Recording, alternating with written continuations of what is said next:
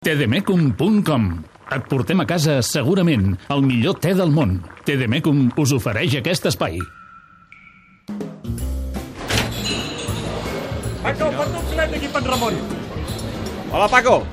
Posa'm un tet de té de Mecum Relax Zen, que tinc ganes de relaxar-me després de... Com que relax, David? Home, Com és que que la- relax? la- Tu, que la no, Lluís- si estem és- excitats avui És aquí. que, clar, és que la tarda té tantes, tantes no, tu, tu, tu, la eh, veritat, tu, amb el tute, situacions... amb, amb el tute eh, que portes, relaxa't una Oh! mica com a mínim quan vinguis Quin aquí. a inici de tarda. Bé, ja l'hem començat al migdia amb la victòria al 6 a 0 al, al partit de tennis del, del Girona i després Sí, no, aquesta tu? derrota del Jo que sóc molt de. Paco Gémez, Tato, amb, amb, amb les palmes em sembla que ho tenen clar, eh? Paco Gémez mereix algun dia un intens debat, eh? Sí, sí, sí. Perquè avui s'ha fet l'araquiri eh? davant del Girona, malgrat el Girona ha fet molt bon partit. Però Déu-n'hi-do, també Paco Gémez. Bueno, t'he de dir una cosa, que jo no sé si s'ha celebrat més aquí l'Esnac el gol de Farnals, del, Sí, del del Villarreal, Villarreal. el, del gol de El 87, eh, tres sí, del final. Sí, sí, sí. No sé si s'ha celebrat més això o quan s'ha sabut que Arda Turan per fi toca el 2.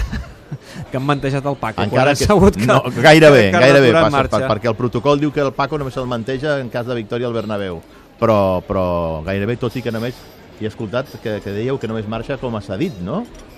Sí, És sí, la sí, sessió- marxa és s'ha dit. la sessió més estranya que el que queda la de meva temporada i dues temporades més, Sí. que és el que li queda de contracte, Sí, sí. amb el Barça reservant-se l'opció, si arribés una oferta, Sí. per poder-lo traspassar a algun altre club. És a dir, en cap cas parlen de recuperar-lo, simplement que el cedeixen. Ni És- parlen de... És a dir, el Basaksehir el que farà és assumir la, la seva fitxa Bueno, i el ja- tindran, encara que, ja sigui és proper prou del Barça. perquè era la sisena fitxa més alta Sí, de la plantilla del sí, sí, Barça. sí. Però vaja, en qualsevol cas, em sona això quan ara escoltava les notícies que, que, que si els de l'Esquerra Republicana i la CUP estaven allò per passar-se un, un diputat per poder fer grup parlamentari, doncs, doncs he pensat, mira, els hi podien cedir a Arda Turan, tu.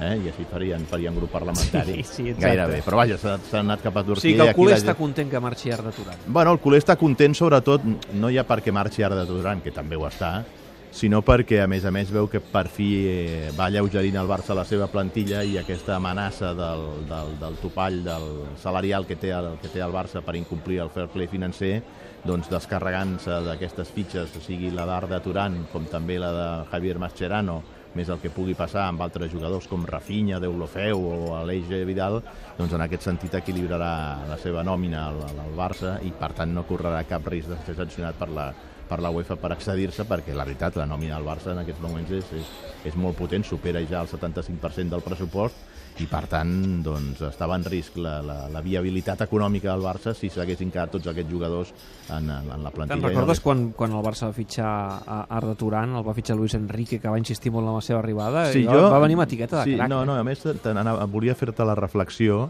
de que que deixin de fitxar els entrenadors.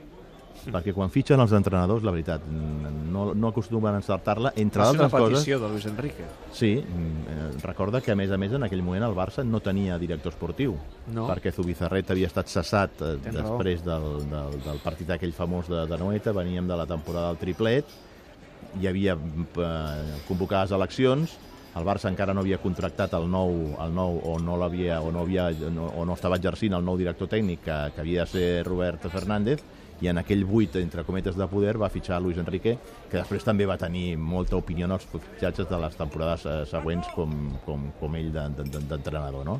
Però, però insisteixo, quan els entrenadors fitxen no acostumen a encertar-la. Si va tenir un dèficit Guardiola en la seva etapa d'entrenador és que no va encertar en uns quants dels seus eh, fitxatges. I és que, entre altres coses, ells no tenen un control de, de, de, del mercat perquè no poden estar pendents d'altres jugadors més enllà de la seva feina, que ja és moltíssima, eh, de gestionar eh, la seva plantilla i de gestionar el joc del seu equip, no?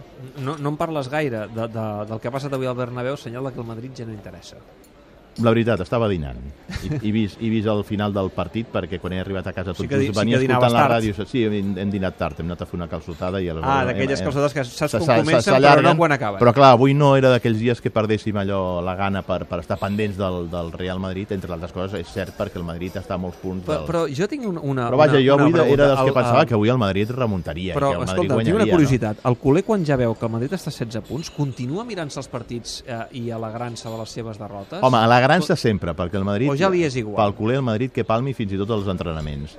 Però ja tan pendent del Madrid ja no ho està. És que jo crec, sincerament t'ho dic, Eh, cosa que seria, mm, de fet no té molta lògica, que avui potser el culer està més pendent del Madrid-Villarreal que no de l'Eibar Atlètic de Madrid que s'està jugant ara quan l'Atlètic de Madrid és l'immediat perseguidor del Barça, que està guanyant, per cert, 0-1. Sí, home, per, per, per una qüestió de, de, de defecte, eh, el Barça sempre està, el culer sempre està pendent del Real Madrid. És que l'Atlètic no? està nou i el, Entre i el Madrid perquè, a més a més, 16. el, el culer pateix aquesta síndrome madridista de que sempre, o sigui, però compte que el Madrid no el donguis mai per enterrat fins que no estigui allò amb la creu posada i ben, i ben, i ben, ben, ben enterrat i tal, no el donguis mai per mort, però, però la veritat és que aquest Madrid, i a més escoltant després les explicacions de, de Zidane amb un missatge absolutament explicacions buit, per dir-ho d'alguna manera. jo el veig molt superat a Zidane, eh, per la situació. La premsa de Madrid tampoc és, diguem, No, una la premsa, la, pre fàcil, no, la premsa de Madrid és, és una premsa molt avantatgista. Quan, quan et venen els èxits, tothom és de Zidane, perquè fa quatre dies La Zidane... felicitat. Eh, La felicitat, exacte. Fa quatre dies tothom, tothom era Zinedine Zidane i sembla tothom com si hagués descobert el, el francès. I ara que, que, que les coses van mal, mal dades, doncs l'han abandonat totalment i a part d'haver-lo abandonat, jo escolto unes crítiques, li foten unes banderilles però terribles cada vegada que posen que, que, que poden contra el francès. La, no? la, la deixem al Madrid perquè és, és el que dèiem, està a 16 punts i demà en podrien ser 19. Um, ara entro amb el tema de Noeta, però um, Jerry Mina, ahir, la setmana passada parlàvem de, de Coutinho. Jerry Mina és l'home del dia. Um, genera il·lusió entre l'afició del Barça? És un jugador que la gent no coneix. No, no, no, no és un jugador, home. No Crec un, que fa gràcia. No, no és un fitxatge Crec que fa gràcia. No és un fitxatge Per aquestes coses que té dels valls, Sí, d'avui d'anar mica... descalç al camp... tinc, jo la sensació que tinc personal i crec que, que compartida per molts culers és que pensem que per fitxar un quart central s'hauria d'haver buscat abans el planter. Sé que és una aposta de, la, de la direcció tècnica del club, especialment de Pep Segura, que està molt convençut que pel preu que es paga és un jugador que, que, que s'hi pot creure i que pot ser una bona inversió pel, pel Barça, però també jo sóc dels que penso que per buscar un quart central o buscar un segon lateral o segons quines demarcacions suplents de la plantilla, bo serà mirar, mirar el, el, el planter i a fer apostes de, de planter, perquè és que si no al final aquests, aquests nanos de, de, de les categories inferiors del futbol base no sé quan arribaran a la primera plantilla al Barça si cada vegada que hi ha un forat en aquesta s'acaba tapant amb jugadors vinguts de, de, de fora. Per molt que en aquest cas sigui un jugador jove, un jugador que a més a més no costa allò, tal com està al mercat, una, una bestieta de diners, són gairebé només 12 milions d'euros, dic només entre cometes, però, però no és un fitxatge d'aquests que generi molta il·lusió entre, entre el Barcelona. Camp maleït, demà, Noeta. Sí, 10 noi. anys, eh? Una dècada Mira que jo recordo que a, la Totxa, a, a Totxa ja era maleït. Era molt difícil guanyar a Totxa i el que Barça... segurament per pressió ambiental era més dur a Totxa que no pas a Noeta. Totalment Perquè d'acord. Noeta té la pista d'atletisme i tot. Sí, però i a més a més... Jo no sé què hi ha, eh? Perquè És, fixa... és, és d'aquells estadis... Abans, quan venia cap aquí, escoltava Valverde eh, uns fragments que ha posat de la Sí. roda de premsa i ell parlava allò d'una qüestió visual de que com que no veus on acaba el camp, doncs aleshores resulta que es perden moltes pilotes per la línia a Ah. banda, no? Ostres, sí, però, sí, però, però sí. fins ara sempre tenia la passa? sensació... Perquè, a més a més, no hi ha una explicació molt lògica, perquè um, en aquests 10 anys han passat diversos entrenadors pel Barça, Sí, sí. diversos entrenadors a la Mira, Real, jo el, el, el, el de la temporada 11-12, que va ser quan la Real va tornar de, de segona a primera divisió i va començar aquesta mala estrogança, eh, vaig anar a aquell partit de, de Noeta, el Barça guanyava 0-2 al descans i amb una superioritat i un festival però, però brutal, o sigui, és que no es podien imaginar que aquell partit el Barça no l'acabés guanyant.